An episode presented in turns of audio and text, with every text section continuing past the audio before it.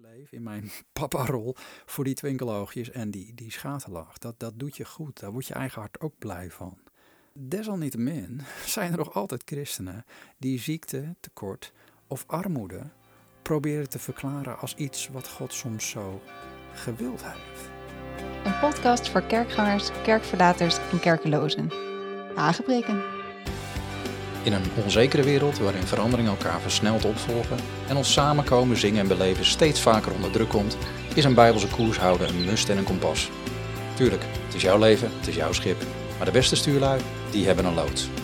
Mijn naam is Benaya en ik vaar graag een eindje met je mee. Hoi, fijn dat je weer luistert naar Hagepreken. We zitten nog steeds in het nazomerweer. De Hagepreken restantjes van seizoen 4, zou ik zo wat willen zeggen.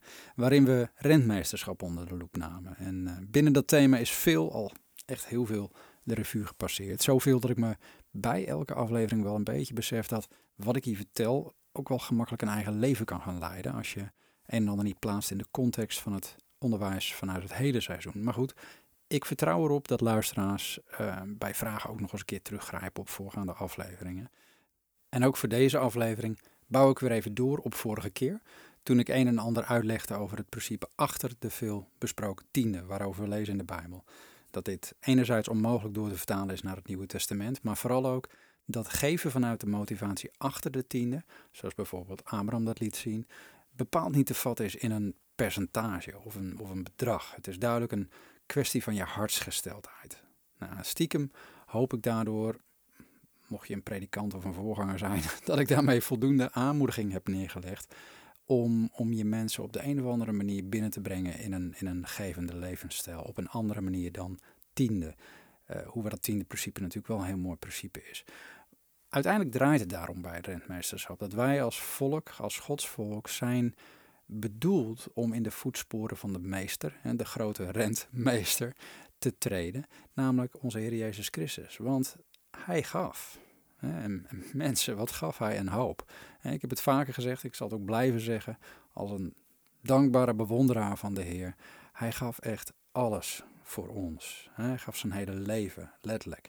Niet alleen verliet hij zijn glorieuze hemelse domein waar wij al ja, misschien helemaal geen voorstelling van kunnen maken. Maar hij werd mens zoals wij. Verpakt in een, in een vlees. Hij, hij liet notabene zijn eigen schepping zijn handen doorboren. En hij stierf om ze nog te redden ook. Ze vroegen daar niet om, ze schreeuwden kruisig hem. Maar hij deed dat. En het is soms best een beetje uitkijken dat als je een tijdje christen bent, dat je dit niet voor lief gaat nemen. Heb ik ook wel eens van die seizoenen gehad. Dat ik dacht, oh ja, daar komt het verhaal, het kruis, oké. Maar het, je raakt soms te bekend met dit verhaal, want dat kan hè. Toch ondertussen blijft het wel het ultieme voorbeeld van wat het werkelijk betekent om te leren leven met een gat in je hand. Om te leren leven op een manier die ogenschijnlijk een verspilling van leven is, maar toch als een graankorrel die in de aarde sterft. En alleen dat beeld al, um, wat hij ons gaf, spreekt boekdelen. Een graankorrel kan aan zich, kun je daar geen brood van bakken, maar als die bereid is te sterven in de grond, dan kan er een oogst uit voortkomen die een veelvoud is van zijn eigen leven. En hij deed dat. En dat is het eh, zelfopofferende leven wat we kunnen nastreven. Een leven volledig bewustgesteld in dienst van God. Uitreikend naar een wereld die anders verloren gaat. Dat is de keus die hij ons naliet. Wil je zo leven? Ja, en die keus, die zal je kosten die zal ons kosten. Hè? Je moet het ook maar net willen. Eigenlijk tekent iedereen er natuurlijk voor op het moment dat je bewust je leven in Gods hand legt. Maar de meeste van ons hebben dan nog geen flauw idee hoe ver dit geven werkelijk gaat. Tenminste, ik had geen flauw idee. En ook niet hoe moeilijk het is om ook dit te blijven willen. Hè? Een leven lang willen geven. Toch, hoe langer je bewust met God wandelt, hoe, hoe meer je doorkrijgt dat die kruisweg veel langer duurt dan je lief is. En ook meer kost dan dat je dacht dat je kon opgeven. Maar wie kan dat nog opbrengen in een tijd als, als die van ons? En wie gaat dat nog doen, vraag je soms wel eens af. In een wereld die in toenemende mate op zichzelf gericht is, in, in zichzelf gekeerd is. Een wereld vol selfies, hè, waarin het gaat om jou, om jouw unieke bestemming, het ontwikkelen en ontplooien van jouw mogelijkheden. Het gaat om jouw geluk. Dat, dat wordt erin gedrild. En dan staat daar Jezus. de Heer van het universum, die geen bedienden zocht, maar kwam om zelf te dienen. En vandaar dat hij ons ook vraagt om zo'n levend offer te zijn. Ik weet niet of je die tekst kent, dat was ook zo'n klassieke memorisatietekst tijdens mijn navigatortijd, Romeinen 12 vers 1 en 2.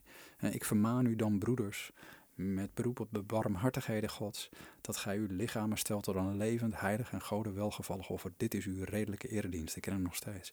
En wordt niet gelijkvormig aan deze wereld, maar wordt hervormd door de vernieuwing van je denken, zodat je mag erkennen wat de wil van God is. Het goede, welgevallige en volkomene. Dat is de MBG-vertaling, weet ik nog. Maar ja, prachtige tekst. En toch, ik, ik vond hem ook altijd wel apart. Hè? Paulus vermaant ons. Ik dacht ik van, nou dat is strak, wat deed ik fout dan? Hè? Ehm, waarom vermaant hij ons? Nou juist omdat God zich barmhartig wil betonen, op, met beroep op de barmhartigheden God. Hij wil barmhartig zijn aan iedereen. Maar dat kan alleen als wij meewerken. Als wij onze lichamen, ons fysieke leven, ons hele natuurlijke bestaan aan Hem ter beschikking willen stellen. En misschien heb je het zelf nog nooit zo gelezen, maar dat is dat offer. Zonder dat we verwachten het ooit terug te krijgen.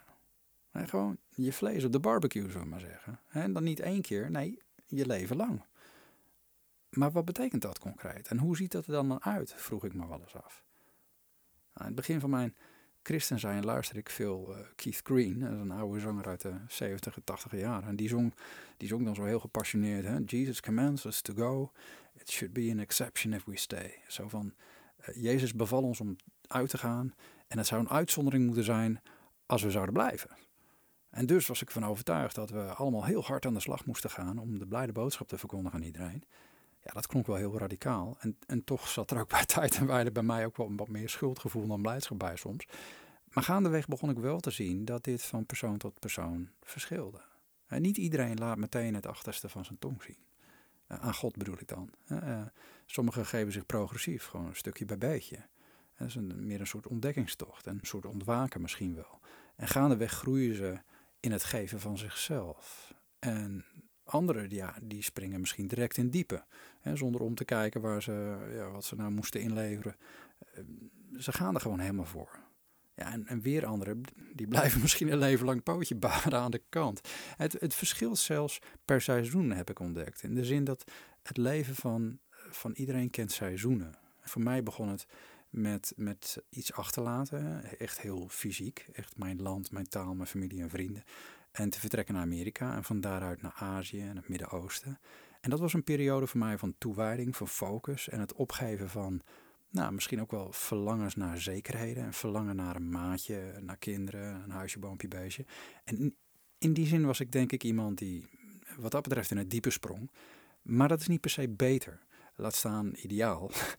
um, het is gewoon hoe ik reageerde op Gods stem in dat seizoen, in dat eerste seizoen van mijn christen zijn. Want na het seizoen van een, van een jaar of zeven begon een ander seizoen. Het was een, een trager seizoen. Dat was terug in Nederland. En dat was een seizoen weer waarin God mij vroeg om hele andere verlangens op de barbecue te leggen. Soms was het meer um, confronterend, want ik was in een soort Nederlandse norm van huisje, boompje, beestje aangeland. Het was heel erg in your face. En ik word voortdurend geconfronteerd met het feit dat het gros van mijn vrienden wel het pad hadden gelopen in lijn met hun verlangen, uh, met hun opleiding vaak. Um, die hadden inmiddels een vrouw, een leuk gezinnetje, een fraaie stadswoning of, of waren doorgegroeid naar meer. Um, ze hadden een, een loopbaan in lijn met hun keuze en ambitie. Maar God vroeg iets anders aan mij en dat was een andere focus. En dat was soms best confronterend, want waarom kon ik niet die weg gaan? Maar dat was niet wat hij van mij vroeg. Um, hij vroeg mij om daar een offer te brengen. Ook dat was niet beter, het was gewoon anders. Het was wat de Heer aan mij vroeg te geven. En dat is denk ik die persoonlijke omgang, uh, die verborgen omgang God, zeggen ze ook wel eens zo mooi, die in ieder van ons heeft met de Heere God. En je kan het geen mens uitleggen, maar, maar zo werkt dat. Wel weet ik, als je blijft bij elk woord wat Hij zegt, als je blijft geven wat Hij aan je vraagt, dan ontdek je dat, nou ja, Matthäus 6, vers 33 inderdaad klopt. Hè? Het zoek eerst het koninkrijk en zijn gerechtigheid en al dat andere zal je bovendien geschonken worden. En dat is ook een ervaring in mijn leven. Dingen die ik opgaf, die kwamen later op een andere manier weer terug. Wachten was soms wel een crime. Sommige seizoenen leken wel een heel leven op zich, compleet met een soort sterfsproces als ik het afsloot zowat. Maar de kunst is denk ik om dwars door alles heen voortdurend de wil en de urgentie van het geven, ook het geven van jezelf, om dat levend en actief te houden. Maar dat kan alleen als je je realiseert, net als Abraham, waar ik vorige aflevering al uh, even over sprak, dat, dat God jouw bron is. Want de Heer, de Heer Jezus is meer dan enkel een, een fijne bron van inspiratie uh, als het aankomt op geven. Hij is ook heel tastbaar een bron van alle andere voorziening in je leven. En dan bedoel ik dus niet alleen uh, nou ja, bijvoorbeeld inkomsten of zo, maar voorziening van alles. Zoals Petrus zo mooi zegt, zijn goddelijke kracht heeft ons alles geschonken wat tot leven en godsvrucht strekt of behoort. Door de kennis van hem die ons geroepen heeft door zijn heerlijkheid en deugd. 2 Petrus 1 vers 3, ook een bekende memorisatietekst destijds.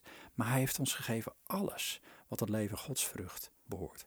Alles. Dus alles wat je nodig hebt om te leven en om de vrucht van de geest, de Gods vrucht, zichtbaar te doen worden in je leven. In dat alles wil hij voorzien. En veel mensen beseffen dat niet, maar hij heeft het al geschonken, staat er. Wat zoveel wil zeggen is, hij is al akkoord. We, we mogen het hebben, zegt hij in feite. Maar dat realiseer je alleen als je hem leert kennen die ons geroepen heeft, staat er. Dus vandaar dat het belangrijk is dat je hem ziet voor wie hij is. Wat voor beeld je hebt van de Heer Jezus in die zin, is cruciaal. Want dat verandert ook de mindset van hoe je in je natuurlijke en je geestelijke leven staat. En doe je dat niet, ja, dan ga je zelf proberen om van alles voor elkaar te boksen. En dan denk je zelf verantwoordelijk te zijn voor je natje en je droogje in het natuurlijke. Misschien zelfs voor, voor hele uitdagende dingen, misschien een eigen genezing zelfs, dat je daar even voor moet doen. Of uh, zelfs voor je geestelijke groei. Veel mensen denken dat, dat het heel erg afhangt van hunzelf. En natuurlijk zit daar een geven in, maar geestelijke groei is wel iets, hij, hij bewerkt het willen en het werk ook in je. Dat is een geefproces aan hem terug. En hoe meer je hem leert kennen en hoe meer je begint te beseffen dat God inderdaad ook echt de bron is van alles wat je nodig hebt voor je leven in het natuurlijke en voor je gelijkvormig worden aan Christus. Ja, dan komt er een bepaalde vrijheid. Het is alleen dat we geconditioneerd zijn in onze westerse maatschappij om zoveel mogelijk alles zelf te regelen. En maar kijk je naar hoe de Heer Jezus handelde en hoe hij wandelde op aarde, dan zie je dat hij ons een voorbeeld naliet van een complete afhankelijkheid van God de Vader. En dat zei hij ook. Hè? Dat, eh, zo mooi ook in Johannes 5, vers 19. De zoon kan niets van zichzelf doen als hij dat niet de vader ziet doen. Alles wat de vader doet, dat doet de zoon op dezelfde manier. Dat is een openbaring die zijn wortels in zowel geloof als ervaring moet hebben. Dat is een proces. En het kan niet alleen op kennis van, vanuit je hoofd zijn. En een soort erkenning van, oké, ja, ik kan niks doen zonder God. Sommige mensen zeggen dat, maar dat moet een geloof zijn en een ervaring worden. En het begint bij een diep besef van wie hij is in je leven, die bron. Wat je onder andere kan beginnen te ontdekken door te kijken hoe hij zichzelf liet kennen toen hij nog onder ons wandelde hier op aarde. En misschien denk je, wat heeft dit nou, nou allemaal in vredesnaam met rentmeesterschap te maken? Nou, eigenlijk alles. Vooral als je bedenkt dat um, een van de speerpunten van de Heer Jezus was om voor ons het beeld van de Vader neer te zetten. Het is goed om hiervan doordrongen te zijn, want dat is ook wat, wat hij zijn discipelen voorhield. En wie mij gezien heeft, die heeft de Vader gezien. Johannes 14, vers 9. Dat deed hij expres.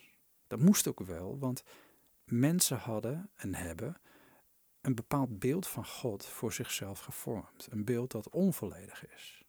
En vandaar dat Jezus doelbewust naar ons toe kwam als Emmanuel, wat God met ons betekent. We hadden namelijk een correct plaatje nodig van wie God is, God de Vader, en welke rol Hij wil spelen in ons leven. Vandaar hoe Jezus dacht, sprak en handelde en wandelde, verbeelde het hele denken, het hart en het functioneren van de schepper.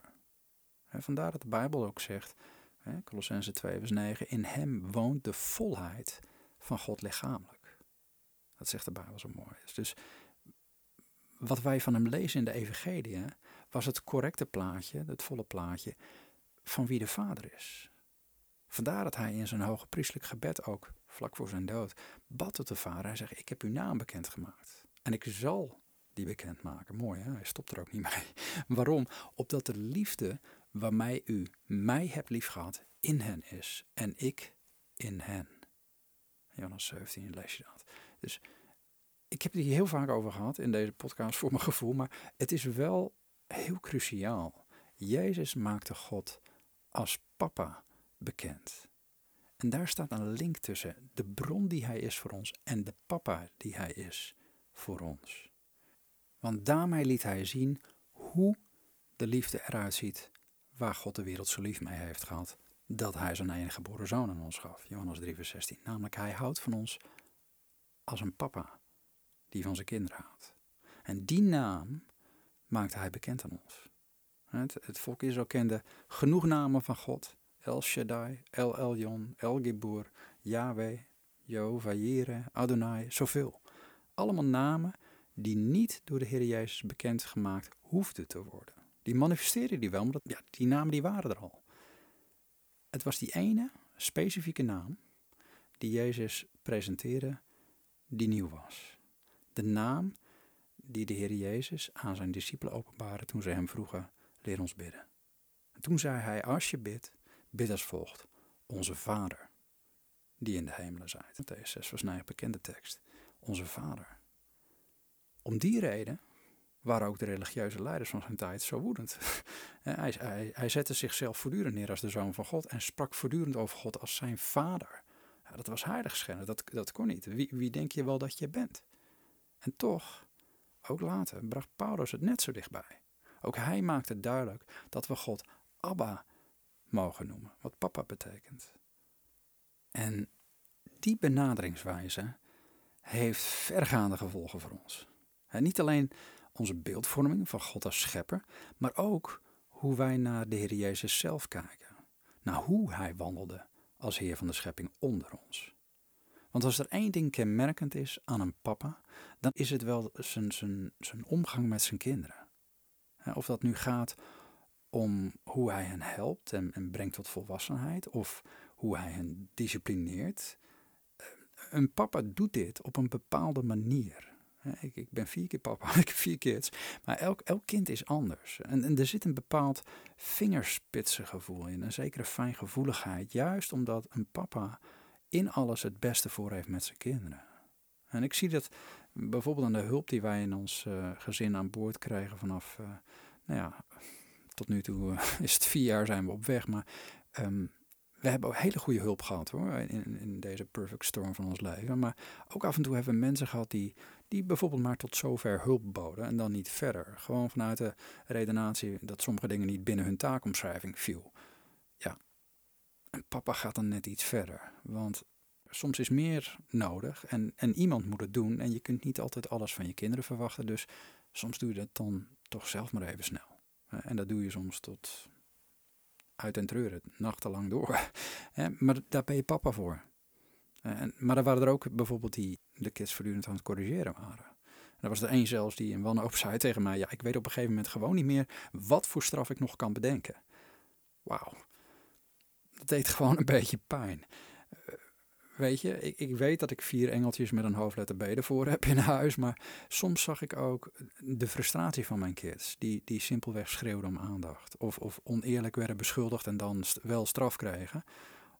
Of gewoon baalden zichtbaar van een thuissituatie die anders was als bij hun vriendjes en vriendinnetjes. Hè, vanwege de rare draai die het leven nam voor ons gezin door ziekte en ongeluk. Ja, dan weet je als vader soms moet je bewust even langs emoties en gedrag kijken. Los van het feit dat er meerdere manieren zijn om, om je kids bij te sturen natuurlijk. En spoiler alert, straf is niet de meest effectieve manier. Dat weet God vaak, uh, vaak ook denk ik wel eens. Maar als vader zie je um, niet alleen dat rebelse kind. Je ziet ook je eigen vlees en bloed. En, en, en soms de onmacht of de frustratie van je kids. Dus daar bouw je ook weer een marge voor in. Ja, en dan hoor ik dus Jezus zeggen: Als je mij gezien hebt, dan heb je de Vader gezien. Ja, en dan snap je waarom hij iemand die op heterdaad betrapt wordt, even in de luwte houdt van alle wetsbetrachtende geestelijke leiders door te zeggen: Hij die zonder zonde is, werpen de eerste steen. Misschien keer het verhaal van de overspelige vrouw. Ja, niet dat hij haar vrijpleit van wat ze had gedaan. Maar hij wist, dat ook zij wist, hoe fout het was. overtuiging van zonde en schuld was niet langer aan de orde. Dat, dat was duidelijk. En iedereen eromheen was er ook als de kippen bij om dat uh, te highlighten. Maar wat een bevrijding en wat een subtiele disciplinering toen hij vanuit een vaderlijk hart zei: Hij heeft niemand je veroordeeld. En zij zegt dan: Niemand, heren. Dat is zo mooi, want in het Grieks staat daar kurios, hè, wat, wat meester, uh, in het Engels zeg je supreme master betekent. En de term ook die voor God gebruikt wordt. Wat aangeeft dat ze zich in de aanwezigheid wist van haar meerdere. Iemand die het recht had om een oordeel over haar te vellen. Maar Jezus zegt dan tegen haar: Ik veroordeel je ook niet. En dan dat hele liefdevolle: Ga maar. En niet weer doen. Ik vertaal het even in benaaide taal, maar dat is feitelijk wat hij zegt. En, en dat soort situaties herken ik met mijn eigen kids. Ik herken ook de dankbaarheid en de enorme opluchting dat het toch weer goed is gekomen tussen ons. Die tussen de regels opspringt uit zo'n Bijbelpassage. Ja, toch? Of ben ik de enige die dat zo aanvoelt? En natuurlijk realiseer ik me wel dat de wereld bezoedeld is door zonde en dat daardoor het plaatje van een papa is beschadigd. Er is een ikgerichtheid en een hardheid over mensen gekomen, waardoor zelfs vaders en moeders schromelijk tekortschieten in liefde en bewogenheid. Maar desalniettemin, het hart van een papa, zoals God het heeft gegeven vanaf het begin, is nog steeds een die uitreikt en die wil beschermen en voorzien. En zelfs disciplineren zoals we Jezus zien doen op een liefdevolle manier. En niet altijd glashard. En dat gaat dus ver, veel verder dan we durven geloven of hopen. Want laten we wel wezen, normaal gesproken wil geen enkele papa ook dat zijn kinderen honger of dorst hebben. Dat kun je gewoon niet aanzien.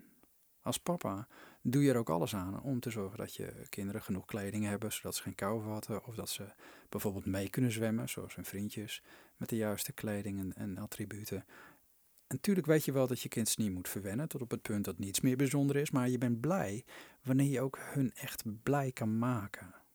tenminste, ik leef in mijn papa-rol voor die twinkeloogjes en die, die schaterlach. Dat, dat doet je goed, daar wordt je eigen hart ook blij van. Desalniettemin zijn er nog altijd christenen die ziekte, tekort of armoede proberen te verklaren als iets wat God soms zo gewild heeft. Nou, voer het te ver binnen deze aflevering om hier voor een konijnenpaadje af te lopen. Maar ik, ik denk dat aflevering, wat was het, uh, eh, 79 daar al een goede voorzet uh, voor was. Maar voor nu zou ik willen zeggen, hou eens even dat papa-plaatje in gedachten. op de een of andere manier lijken veel mensen, wanneer hun ervaring niet in lijn is met wat ze normaliter wel van een aardse vader zouden verwachten, al gauw geneigd zijn om, om Abba Vader, dat aspect, in één keer los te koppelen van hun godsbeeld. En dan worden ineens allerlei ingenieuze, religieuze constructies verzonnen om maar te verklaren waarom er ziekte, tragedie en tekort in het leven is gekomen. En dat varieert dan nou, misschien enerzijds van, van een uber charismatisch denken als, ja, je gelooft te weinig en daarom ben je ziek of heb je tekort in je leven en zorg eerst maar eens dat je echt gaat geloven in God. tot een dogmatisch redeneren als, ja, wat je zaait zul je oogsten, dus je zal wel ergens zonde in je leven hebben of misschien ergens in je voorgeslacht. Of misschien zelfs heel subtiel vermanend, zo van, God probeert je wat te leren door deze ziekte of dit gebrek. En dan heb je natuurlijk ook nog de fatalistische, berustende uitgangspunten, zoals God heeft in zijn soevereiniteit beschikt dat je hem meer eer geeft als je ziek of ellendig blijft. Het is niet zielig, het is juist zalig. Nou, ik dik hem even aan, maar je begrijpt denk ik wat ik bedoel. Ehm, ik denk dat, ik maak me geen illusies dat je dit nooit bent tegengekomen. Want het is echt schering en inslag in het lichaam van Christus. En ik heb me vaak afgevraagd hoe mensen hier toch allemaal op uit kunnen komen. Ik bedoel, als je weet dat de Heer Jezus God als papa bekend maakte aan ons. Welke papa kan zich in dit soort exegese vinden? Is het misschien omdat we denken dat, dat we Gods vaderbeeld moeten beschermen tegen een, tegen een slechte reputatie of zoiets? Nou, dan, helpt het niet bepaald, zou ik zeggen. Of, of, of is het ehm, omdat we onze persoonlijke ellende of tekortschieten niet kunnen rijmen met dat vaderbeeld? En dus alle vaderlijke aspecten tijdelijk maar even parkeren of ombuigen? En natuurlijk, er zijn situaties dat, nou ja, door te volharden in zonde bijvoorbeeld, kun je je eigen ellende creëren. Net zoals een kind kan besluiten om niet te luisteren naar zijn ouders, met alle gevolgen van dien. Ik bedoel, een kind kan in een t-shirt naar buiten gaan als het sneeuwt en daardoor een flinke longontsteking oplopen, juist omdat het eigenwijs was. Maar wie zou dit durven uit te leggen als de wil van zijn papa? Of het een normale, logische ouderlijke reactie vinden wanneer die papa zegt: Mooi zo, dat zal hem leren. Ik bedoel, of wat als een kind iets tragisch overkomt? Is het dan normaal om te concluderen dat dit kwam omdat zijn papa dit besloot toe te staan? Ja, maar zeg je, uh, God is almachtig.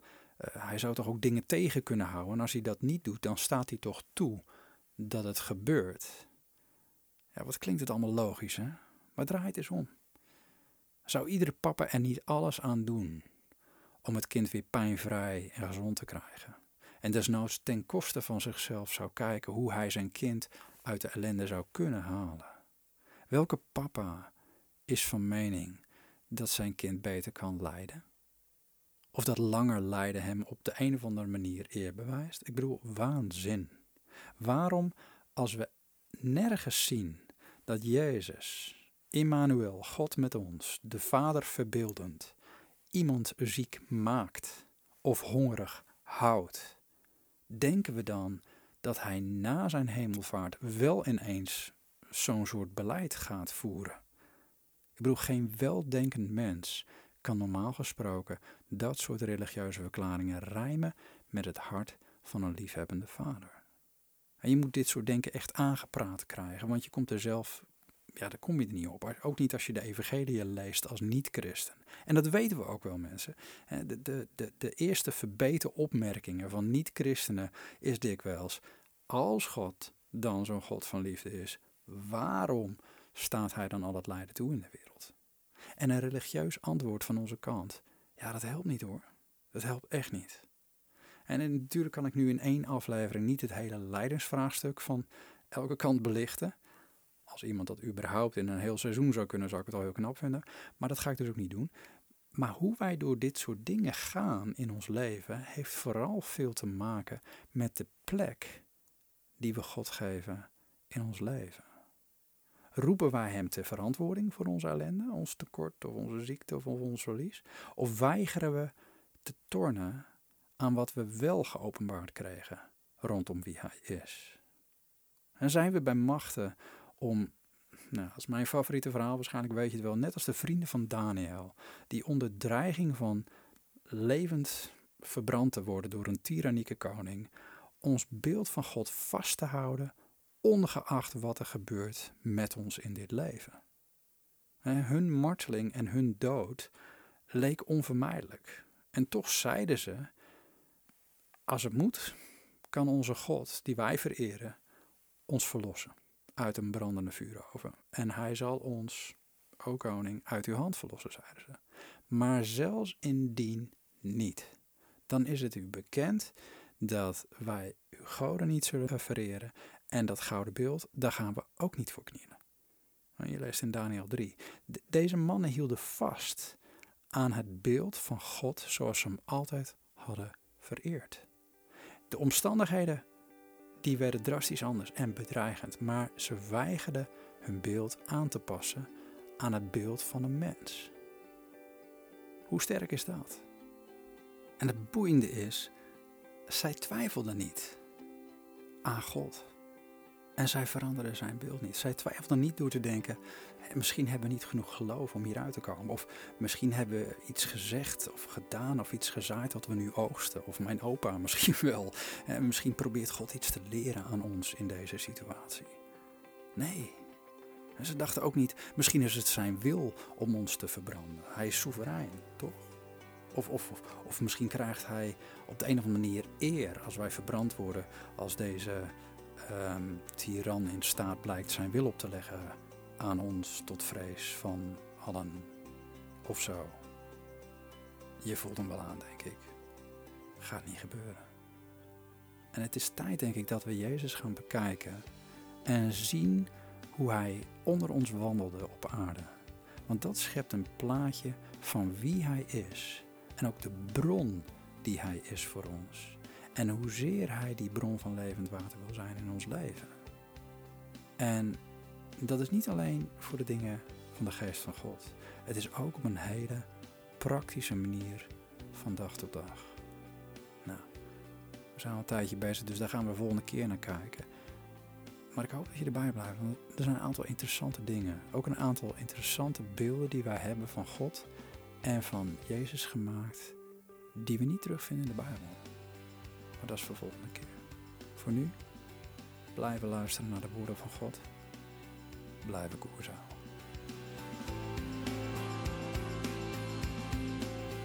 Heb je vragen, aanvullingen of opmerkingen? Stuur even een mailtje naar podcast.saintcanine.com En heb je er veel aan gehad, dan zeg je, joh, dankjewel. Je kunt deze podcast delen met andere mensen. Forward hem, deel hem, like hem. Geef eens een commentaar, dat helpt ook vaak om, uh, voor anderen om hem te vinden. Wil je me sponsoren, kan ook. Zie je via de site hoe je dat moet doen. saintcanine.nl is de Nederlandse versie daarvan. Wordt erg gewaardeerd. Dankjewel.